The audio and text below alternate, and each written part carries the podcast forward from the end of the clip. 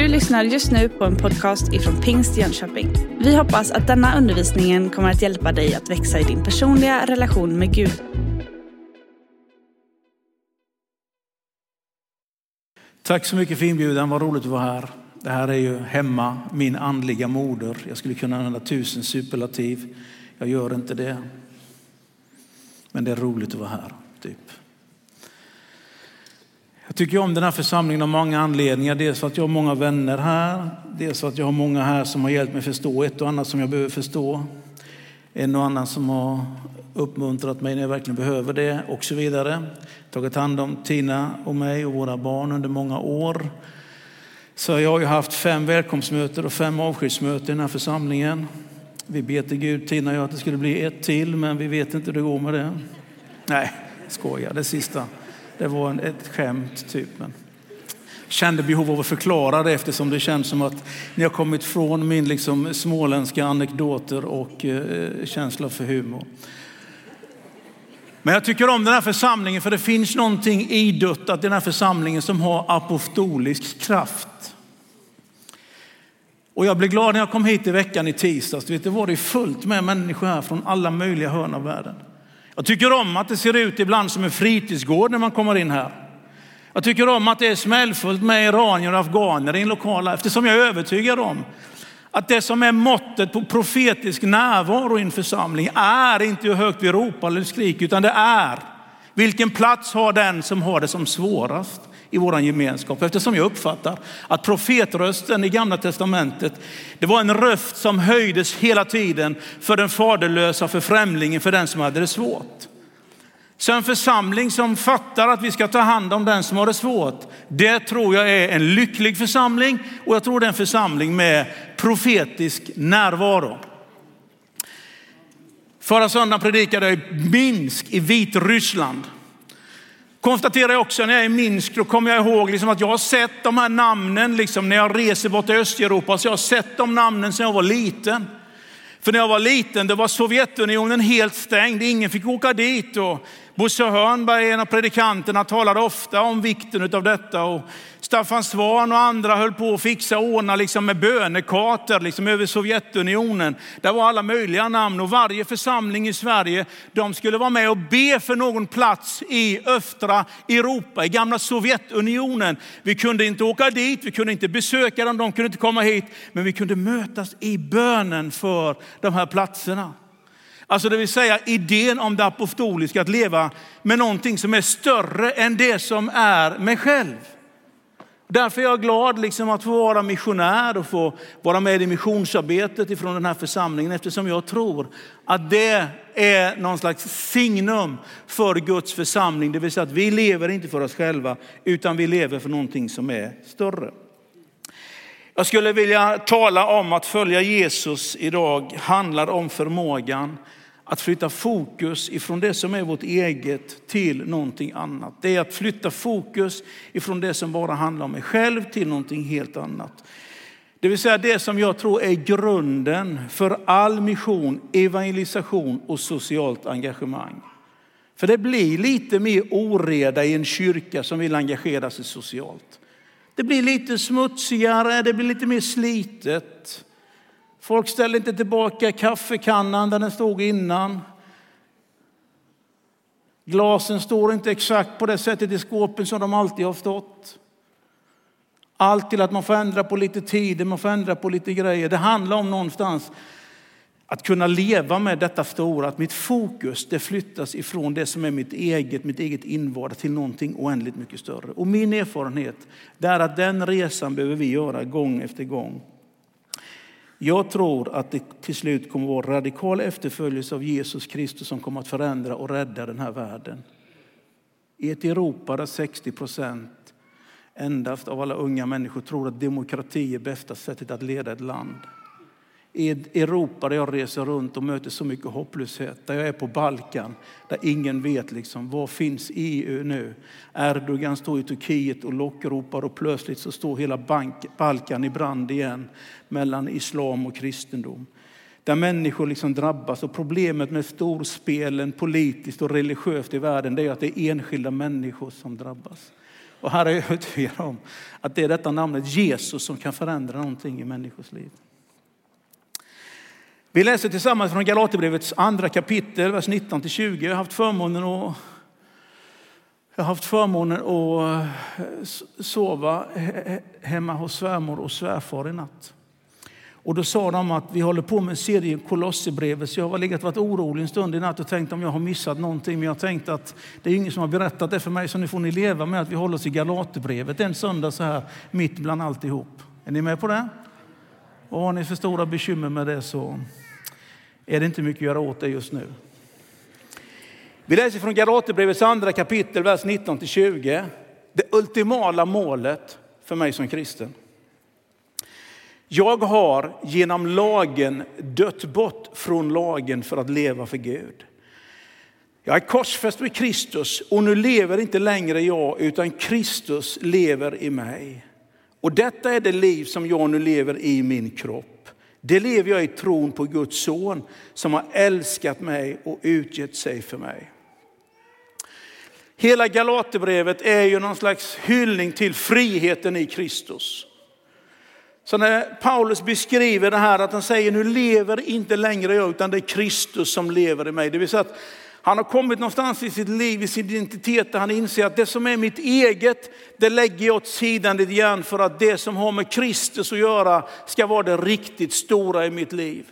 Och jag tror, kära vänner som är i kyrkan här idag, att det är någonting att längta efter, det är någonting att sträva efter. Det är att bli av lite grann av det som är ens eget och det som är liksom min egen liksom lilla värld här, liksom att komma in i någonting annat. Och när Kristus flyttar in i ditt och mitt liv så händer det någonting. Vår identitet. Jag kanske har berättat det här innan. Jag reser runt och predikar på så många ställen nu så jag kommer inte ihåg längre vad jag har berättat någonstans. Men om du har hört den här gången så får du leva med det. Men jag har ju ett par bröder här i församlingen. De är inte helt olika mig. Gud har ju inte förärat dem med denna väldiga kropp. Men i övrigt liksom så är vi hyfsat lika varandra. Så jag kom in i kaféet här en gång under den tiden som min lillebror Hasse var ordförande i församlingen. Och när jag kommer in i kaféet och står det en dam i kaféet där, dessa fantastiska, leende, trevliga damer som är i kaféet. Tittar på mig och säger så här, du, det är otroligt vad lik Pelle du har blivit så. Gött vet du. Få känna det. Men vem är man lik? Vad har man för identitet? Det Paulus som säger att jag är i den här kroppen, det vill säga att jag är här och nu. Jag är inte någon annanstans. Jag har inte flytt iväg och lever i något metauniversum någonstans. Utan jag är i den här kroppen, jag är här nu, just i den här tiden. Här befinner jag mig. Men i mig, där bor Kristus. Jag lever inte längre för mig själv utan nu är det Kristus som lever i mig. Och min egen erfarenhet är att ju mer jag låter detta Kristusliv finnas på insidan, ju bättre blir mitt liv. Jag har fått för mig att ju mer jag förstår det, ju friare blir jag i min tillvaro. Ju gladare blir jag, ju lättare har jag att möta motgångar. Ju mindre känsliga blir mina ömma tår, ju mindre liksom bekymrad blir jag hur alla tycker och tänker. Utan det Kristus är i mig är det riktigt stora. Den 26 december så skrev Cecilia Soler, docent på Handelshögskolan i Göteborg i Dagens Nyheter, en fantastisk text som jag tycker du ska gå hem och läsa. Där hon jämförde graferna över utvecklingen mellan den psykiska ohälsan i vårt land och det som är konsumtionen i vårt land. Hon bara konstaterar som docent på Handelshögskolan att det som är det märkliga, skrivet på annandagen, mellandagsredan och allting är i högblom. Då konstaterar hon bara att det verkar som att ju mer vi konsumerar, ju mer verkar det som att den psykiska ohälsan ökar. Ja, men det har vi ju sagt många år till varandra, att ju mer vi handlar ju olyckligare blir vi. Det betyder ju inte att vi har börjat handla mindre. Alla vi som sitter här vet att lite glädje kan man köpa sig. En ny mobiltelefon, en motorcykel, en roligare bil, större motor eller vad det är för någonting som du uppskattar och så vidare, inte vet jag. Lite mer kvalitet kanske på nagellacken. Lite glädje kan man köpa sig. Inte för att jag, ni hör själv att jag inte är helt inne på den. Jag har knappt några naglar så det finns inte mycket att måla. Men i alla fall, vet du, hela den grejen. så vet vi att det finns lite glädje där.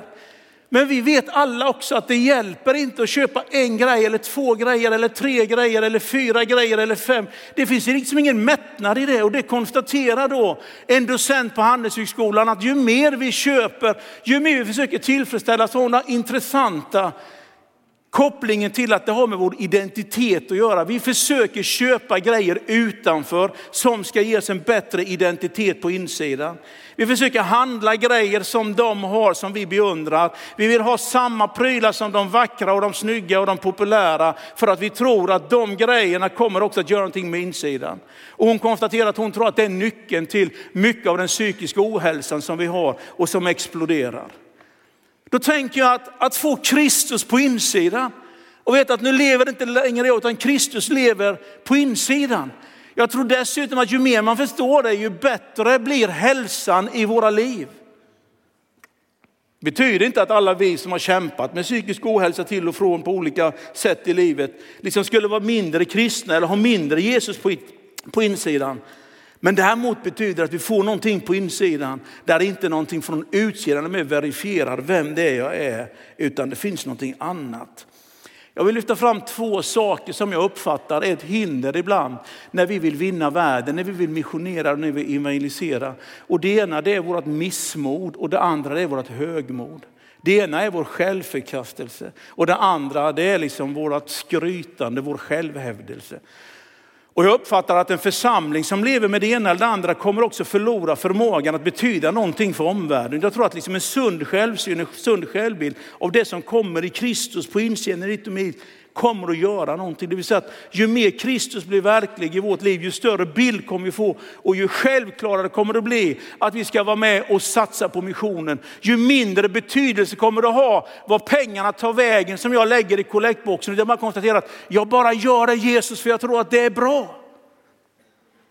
Ju mindre liksom kommer det att betyda liksom att jag fattar och begriper allting, utan jag bara kommer att konstatera att jag vill vara med och betyda någonting. Så jag är så glad för människor som jag träffar här på kyrktorget som berättar att de är god man till någon och så vidare. Någon som har öppnat sitt hem, man har någon boende. Det vill säga att om man börjar engagera sig så blir det ena. Och jag är övertygad om att ju mer Kristus bor i ditt och mitt liv, ju lättare kommer det bli att öppna våra hjärtan, öppna våra hem, vara med och satsa på missionen, vara med och göra det som är utanför oss själva, betyda någonting för staden eller vad det nu är för någonting. Här kommer nu boten mot vårt missmod i vårt liv. Hur många av er är missmodiga ibland? Ja, det är några stycken. Resten av er, det är bara att gratulera. Det är jobbigt när det är uppförsbacke i livet. Alla är emot oss, ingen förstår hur viktiga vi är. De ser inte vår fantastiska begåvning och så vidare. Så komma in i missmod på olika sätt. Första Petrus brev kapitel 1, vers 18 och 19 säger någonting fantastiskt som är ett frihetsevangelium för oss. Petrus säger så här, ni vet ju att det var inte med förgängliga ting som silver eller guld som ni blev friköpta från det meningslösa liv ni ärvt från era fäder. Nej, det var med Kristi dyrbara blod, som med blodet av ett lamm utan fel och brist. Du vet, grunden till din och min frihet är att det finns någon annan som betalt priset för vår frihet. Och Petrus han bara vill påminna alla om att komma ihåg att det var inte silver och guld utan det var ett mycket högre pris som han betalade för er frihet från det meningslösa liv som ni ärvt, som ni har här på jorden. Det vill säga att alla de här tillkortakommandena du och jag har, alla de sakerna, du vet, de har Kristus en gång för alla tagit på korset. En gång för alla har han betalt ett pris. Och det gick inte att betala med silver eller guld, utan det gick bara att betala med Jesus Kristus, med Guds sons blod för din och min frihet. Så du kan alltid peka stolt på Jesu Kristi kors på hans död och det han gjorde på korset. Du kan alltid gömma dig i skuggan av hans kors. Du kan alltid liksom krypa ihop där vid foten av korset och få skydd, inte i din egen kraft, utan det han har gjort på korset. Och det verkar som att ju mer man kan lyfta bort allt vårt missmod ifrån våra liv, alla tillkortakommanden, alla misstag, alla misslyckanden, alltihop detta. Ju mer vi kan lyfta det ifrån oss, ju mer verkar vi kunna vara i tjänst för Gud. Ju mindre är det med att påverka våra tankar hela tiden. Vi säger till dig, du som är här som kanske ännu inte tagit emot Jesus som din frälsare. Öppna ditt hjärta och du säger, men jag är inte så bra på det eller jag kan inte det. Nej men lämna allt det. Du vet, ingenting av det kommer att hjälpa. Och jag brukar ju också berätta berättelsen om att vara dammsugande hemma. Där jag slutade dammsuga lägenheten och huset för ett antal år sedan eftersom det aldrig var bra nog utan tiden hon skulle dra ett varv till med dammsugaren. Du vet, det gick aldrig komma till ett långt in under soffan eller långt in under sängen liksom, för det skulle vara bra nog utan det skulle gå ett varv till med dammsugaren. Och då bestämde jag mig för att det räcker att en dammsuger, så nu sitter jag i soffan, lyfter upp benen på bordet när hon kommer med dammsugaren. Och jag tittar kärleksfullt på henne och hon försöker döda mig med sin blick varje gång. Men du vet vad det gäller din frälsning, det finns ingenting du kan fixa till. Vet du? Det kvittar hur många gånger du går efteråt och försöker ordna det. Så är priset en gång för alla betalt för din frälsning. Och det är ett sånt högt pris. Så därför de där rösterna och grejerna, ditt och mitt misslyckande, vi ska tjäna Jesus, vet du, det är bara att lägga det åt sidan och veta att, nej jag vet att jag inte är bra nog Jesus, men du har gett ditt liv för mig. Jag vet att jag inte räcker till Jesus, men du har gett ditt liv för mig. När skriver Paulus brevet till Korintierna, det första Korintierbrevet? Har ni påläst det här? Ja, alltså det är någon gång 56, 57, 58 efter Kristus någonstans där. Man räknar med att det är det första brevet han skriver. Och när han skriver det, då konstaterar att han är inte mycket att ha för sig själv. Han skriver första Korintierbrevet kapitel 15, vers 9 så här. Jag är ju den minsta av apostlarna, inte värd att kallas apostel eftersom jag har förföljt Guds församling. Du vet, några år senare han skriver till Efesierna, då sitter han i fängelse, förmodligen väntande på liksom att komma inför kejsaren och få. Han sitter, han sitter i Rom och då skriver han så här i det tredje kapitlet, och vers 8, fem år senare. Jag, den allra minsta av de heliga, har fått den här nåden att predika evangelium om Kristi ofattbara rikedom för hedningarna. Och du vet, formen för det allra minsta, det är, det är typ en sån form som man egentligen inte kan som våra eh, skolfröknar när vi gick i skolan skulle reagera över att vi skulle skriva den minstaste typ. Alltså, men det är liksom idén. Alltså. Det är inte bara att jag är den minsta, utan jag är den minsta av de minsta. Jag är den minstaste av alla. Alltså först var han liksom inte värd att kallas en apostel. Fem år senare så är det som att hans syn på hans själv, den har inte liksom gått som en rocket eh, to the sky, utan det är mer som att nu, nu är jag den minstaste. Nu är jag liksom, ja, det är inte mycket med mig. Och ytterligare fyra, fem år senare han skriver första Timoteus brev, som ju är något av det sista som han skriver, då konstaterar han så här i det första kapitlet i vers 15. Detta är ett ord att lita på, värt att ta emot oss alla. Att Kristus Jesus kom till världen för att frälsa syndare och bland dem är jag den störste. Så den väldiga Paulus, vet du, han börjar ju känna, nej men du vet, det jag är inte egentligen värd att kallas apostel. När han har vandrat några år så kommer han till, nej men du, jag är egentligen jag är inte bara det, utan jag är den minstaste. Jag är den minsta av dem allihop. Och sen några år senare, vet du, då plötsligt, då är han inte bara den minsta, utan då är han dessutom den största av alla syndare. Ändå vet du, så täppte han till gapet på lejonen. Ändå stod han upp stolt inför kejsaren. Ändå reste han sig upp och sprang genom mindre Asien som en noshörning predikade och förkunnade evangelium. Ingen backe var för hög, ingen dörr var stängd, utan han bara drog på. Men det hade inte om hans stora uppfattning om hans själv att göra. Så om du kämpar med ditt missmod, låt aldrig det hindra dig från att berätta evangelium. Om du kämpar med din litenhet, låt aldrig det ta frimodigheten ifrån dig. Låt inte dina misslyckanden, dina problem, dina bekymmer, allt detta, utan vet att jag gör det jag gör. Det är förankrat i någonting annat än att jag liksom är den mest populära, har flest likes, liksom ser bäst ut, är den som är mest lyckad, har flest akademiska poäng eller mest pengar på banken. Du vet, inget av det är det stora. Utan det är att Kristus lever i mig, det är i honom. Och det är som att Paulus säger, jag har lämnat allt det, jag har satt mitt eget där på det korset och nu lever jag i den här friheten. Du må ha kört sönder hela ditt liv. Lämna det. Kom till Jesus, ta emot hans stora nåd. Människor kommer att påminna dig, men Jesus kommer att hjälpa dig. Människor kanske kommer att titta på det på ett sätt, men i hans ögon är du det finaste som finns på den här jorden. När ingen annan räknar med det kommer han att räkna med det. Att komma ifrån missmodet. Och min erfarenhet är att våra misslyckande, tillkortakommande, synder, elände i vårt liv håller oss liksom nerböjda, förlorar liksom kraften, liksom gör att vi förlorar förmågan att betyda någonting för den här världen. C.S. Lewis han skriver till Lady Nilan, en av hans elever, i en eh, brevväxling så här och jag läser den. Han skriver till henne så här när hon beklagar sig över allt svårt och allt jobbigt i livet. Då skriver han, jag känner allt om kampen mot de ständiga frestelserna. Låt inte självömkan, misslyckande, frustration med mera ta överhanden. Inga fall kommer att besegra oss om vi alltid reser oss igen. Vi kommer naturligtvis att vara så leriga och smutsiga barn när vi kommer hem. Men badrummen står redo, handdukarna ligger framme, rena kläder hänger på vädring. Det stora hotet är att vi förlorar tålamodet och ger upp. Det är när vi upptäcker vår smutsighet som Gud är mest närvarande i oss. Det är ett tecken på hans närvaro. Så när du känner att du inte räcker till så tänk så här, nej men Gud det är för att du bor i mig, det är därför jag känner så.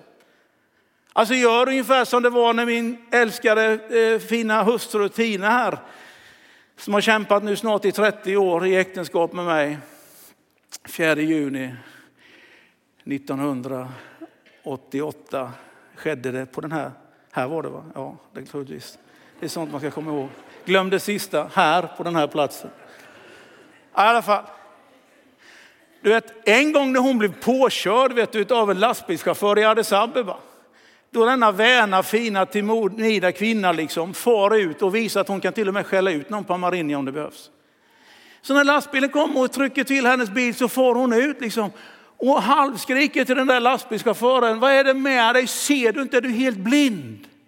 Var på lastbilschauffören säger, du jag har faktiskt väldigt dålig syn, säger han.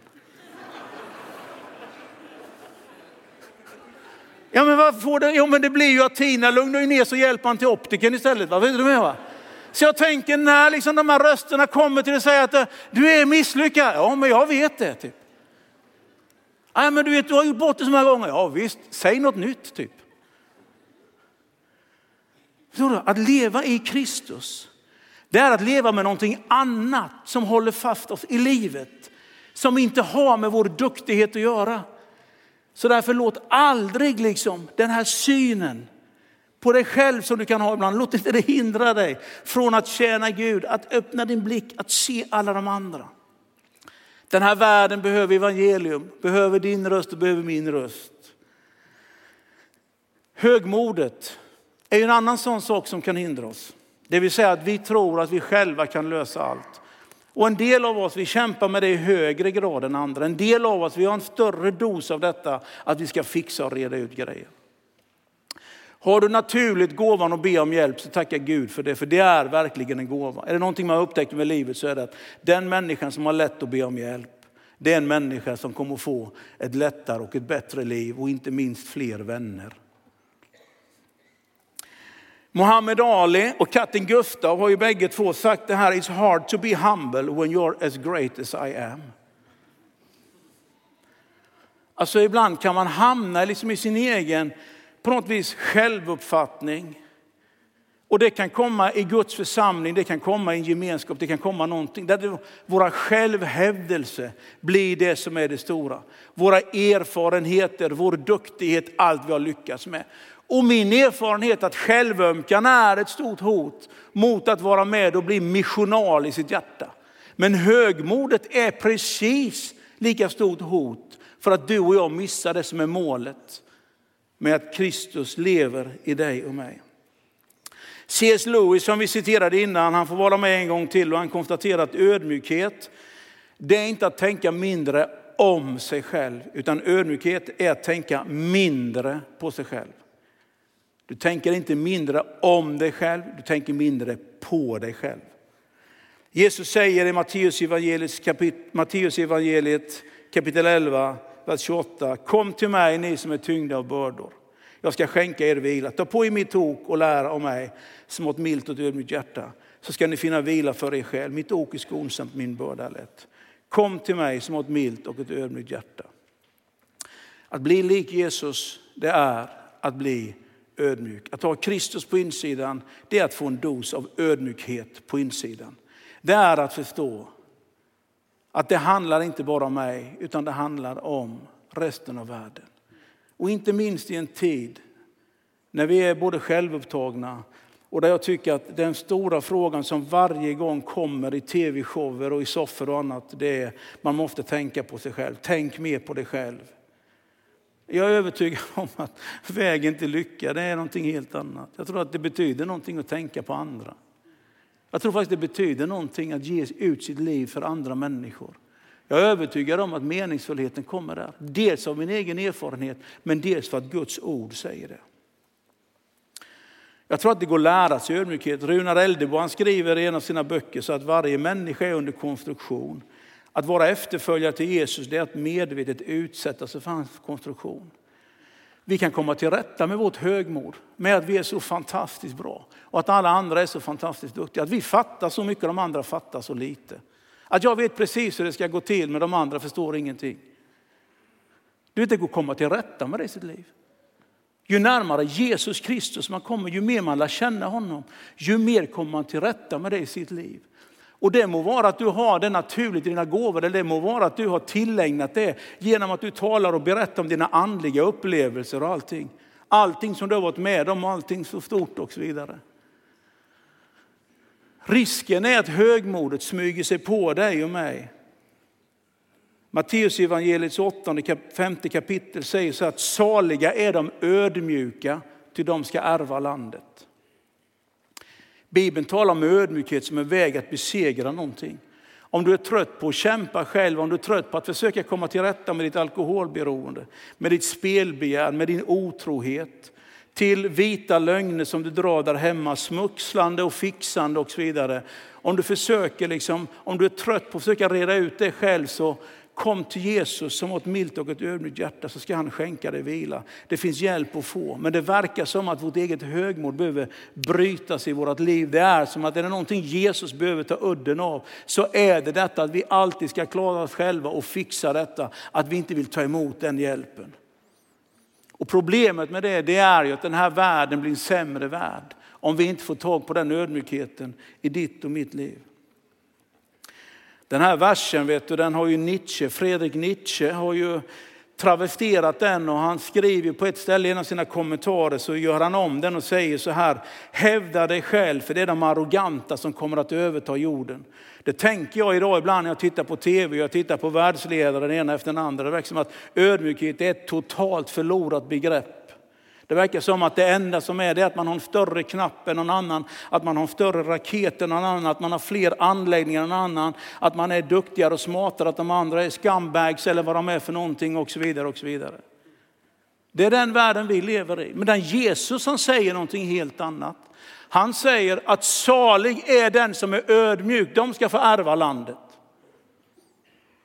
Så när Fredrik Nietzsche säger att hävda dig själv, det är de arroganta som övertar jorden så kan man i ett kort perspektiv tänka att det är så. Det är arrogansen som är det viktiga.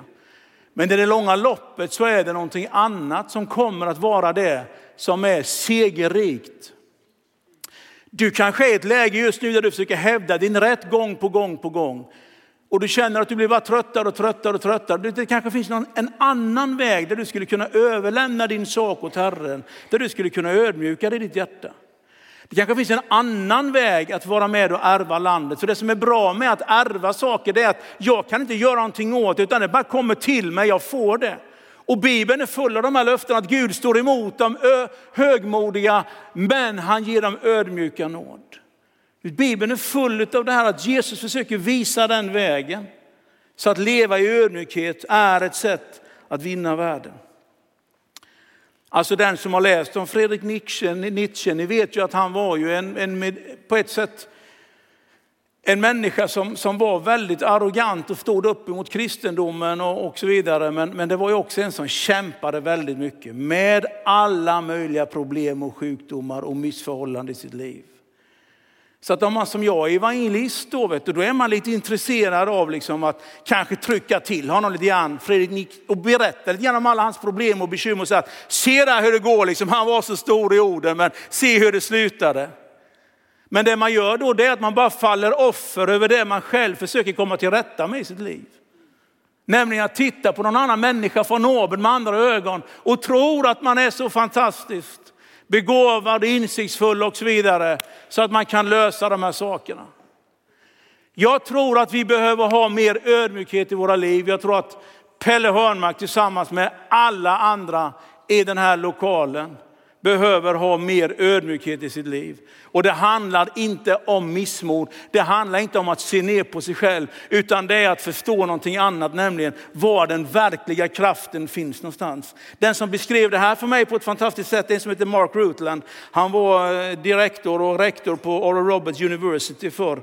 Nu är han inte det längre, men han var på världspriskonferensen 2010 i Philadelphia och berättade om den här versen. Och då berättade han att han var uppvuxen bland annat i, i, eh, i Louisville, Kentucky Horse Race. Det är väl ingen av er som är intresserad av hästsport och hästkapplöpning och ingen av er satsar pengar på det någon gång. Men om ni hade gjort det då hade ni vetat precis liksom vad detta är för någonting. Och han berättar om hur han går där bland stallen och så berättar han hur han lärde sig hur de tränade de här riktiga. För ordet här det kommer ifrån början, ifrån när man tog de stora vilda hästarna, liksom hingstarna och skulle träna dem för att passa i striden. Då skulle man försöka tämja dem så att de kunde känna de här små signalerna av ryttaren, hur den satte i foten liksom i länderna, hur den hanterar den här stora hästkroppen för att den skulle bli. Det handlar om liksom att tämja den enorma kraften. Det är det ordet som används här, det vill säga att det handlar inte om svaghet eller det handlar inte om litenhet, utan det handlar någonstans om att tämja denna väldiga kraft som Gud har lagt i varje människas liv. Och ju mer ödmjuk du är, ju mer kommer du ha tillgång till den kraften. Och ju mindre kommer det bero på din egen förmåga och så vidare och så vidare. Ja, ursäkta att jag höjer rösten, men jag blir glad att få tala om detta. Förmodligen för att jag behöver det själv. The noble art of losing face may someday save the human race, säger Piet Hein. En dansk filosof och matematiker. Och alla som är intresserade av Bruno Mattssons möbler vet alla sådana ellipsformade grejer. Det var han som liksom lyckades räkna ut det och konstruera liksom trafikströmmarna runt Sergels torg i Stockholm och så vidare. Han konstaterar rent mänskligt att det kanske är den här fantastiska konsten att faktiskt kunna förlora ansiktet ibland som kommer en dag att rädda den här mänskligheten. Det vill säga att vi är inte här för att försvara vår prestige vi kan be om hjälp, vi kan ha fördragsamhet med människor, vi kan be om förlåtelse. Vi behöver inte alltid ha sista ordet. Vi kan säga jag hade fel. Vi kan titta lite kärleksfullare på varandra och vi kan hålla skillnad på sak och person. Och vi minskar våra förutfattade meningar. Ödmjuka er inför Herren och han ska upphöja er, säger både Petrus i första Petrusbrevet och Jakob säger i det fjärde kapitlet. Och det verkar som att vi i församlingen, vi är inte befriade ifrån detta. Utan det verkar som att vi bär på en dos av det här.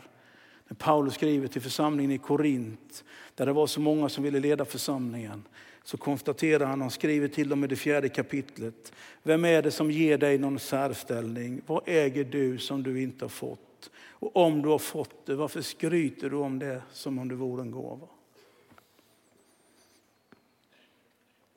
Nu lever inte längre jag utan Kristus lever i mig. Ju mer Kristus lever i oss, ju mer kommer vi ha förmåga att hantera en mängd saker i ditt och mitt liv. Ödmjukhet inför den här världen, inför alla bekymmer. Att vara med och tänka att vi lever inte på oss själva utan det finns människor utanför våra väggar i den här kyrkan, i den här stan. Det finns människor runt om i världen. Och vi behöver inte tänka om människor att det vore bättre att de vore där eller de vore där eller någonting. Utan vi kan på något vis få leva i någon slags ödmjukhet och veta att vi är privilegierade att vara födda i det här landet med 10 miljoner invånare. Risken, chansen, möjligheten att du hade varit född i fattigdom i ett plåthus i Addis Abeba där det bor 100 miljoner hade varit mycket större. Att du hade haft liksom kommit till den här jorden med andra förutsättningar. Riskerna är mycket större än den nåden som vi har fått del av, att vi är där vi är. Och någonstans ber jag till Gud att det skulle stämma våra hjärtan till ödmjukhet. och inse vilken tillvaro vi lever i, vad vi har för möjligheter. Jesus Kristus bor i dig. Du är här. Paulus konstaterar att Kristus bor i mig. Han konstaterar att jag är här just nu i den här tiden, men just nu är det på det här sättet.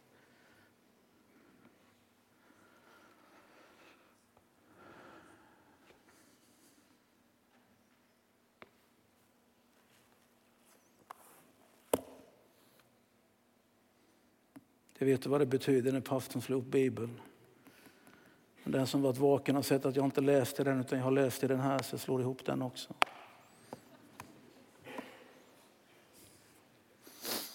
Du vet, jag vet inte var du är i livet någonstans. Om du just nu kämpar med missmod. Tänker att du inte räcker till, att du inte duger. Du är inte en bra kristen. Du har sumpat många möjligheter. Du är bort dig på jobbet.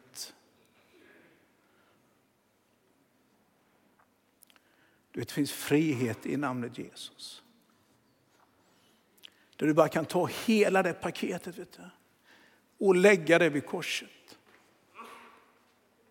Allt missmod. Ingen fördömelse för den som är i Kristus. Kanske känner att du varit en dålig förälder, en dålig make. Håll på liksom att jiddra och fixa i livet. Kom till Jesus Kristus. Lägg ner allt ditt missmod vid hans kors. Gör som Paulus, sätt det där på korset. Och det är en enorm frihet i ditt liv.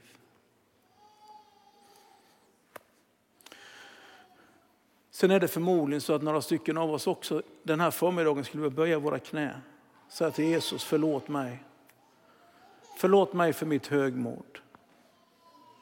Förlåt mig. Det finns kanske en och annan som verkligen på djupet av sitt hjärta behöver be om ödmjukhet i sitt liv. För du vet liksom grejer, situationer, sammanhang där du totalt har kört fast i din egen liksom uppfattning om dig själv. Och du märker liksom hur det är som att allting blir trasigt runt omkring dig. Och du försöker och du kämpar och kämpar i din egen kraft liksom att lösa detta. Det här är en bra dag vet du, att ödmjuka sig inför att det finns en som kan hjälpa dig i ditt liv. Det här är en bra dag att ödmjuka sig, att lägga ner sitt eget högmod, sin självhävdelse. Omvändelse kallas det för. Och framförallt, kära vänner, är detta en bra dag att ta emot Jesus Kristus som sin frälsare. Jesus flytta in i mitt liv. Det är mycket jag inte begriper, men jag behöver detta. Jag längtar efter det här.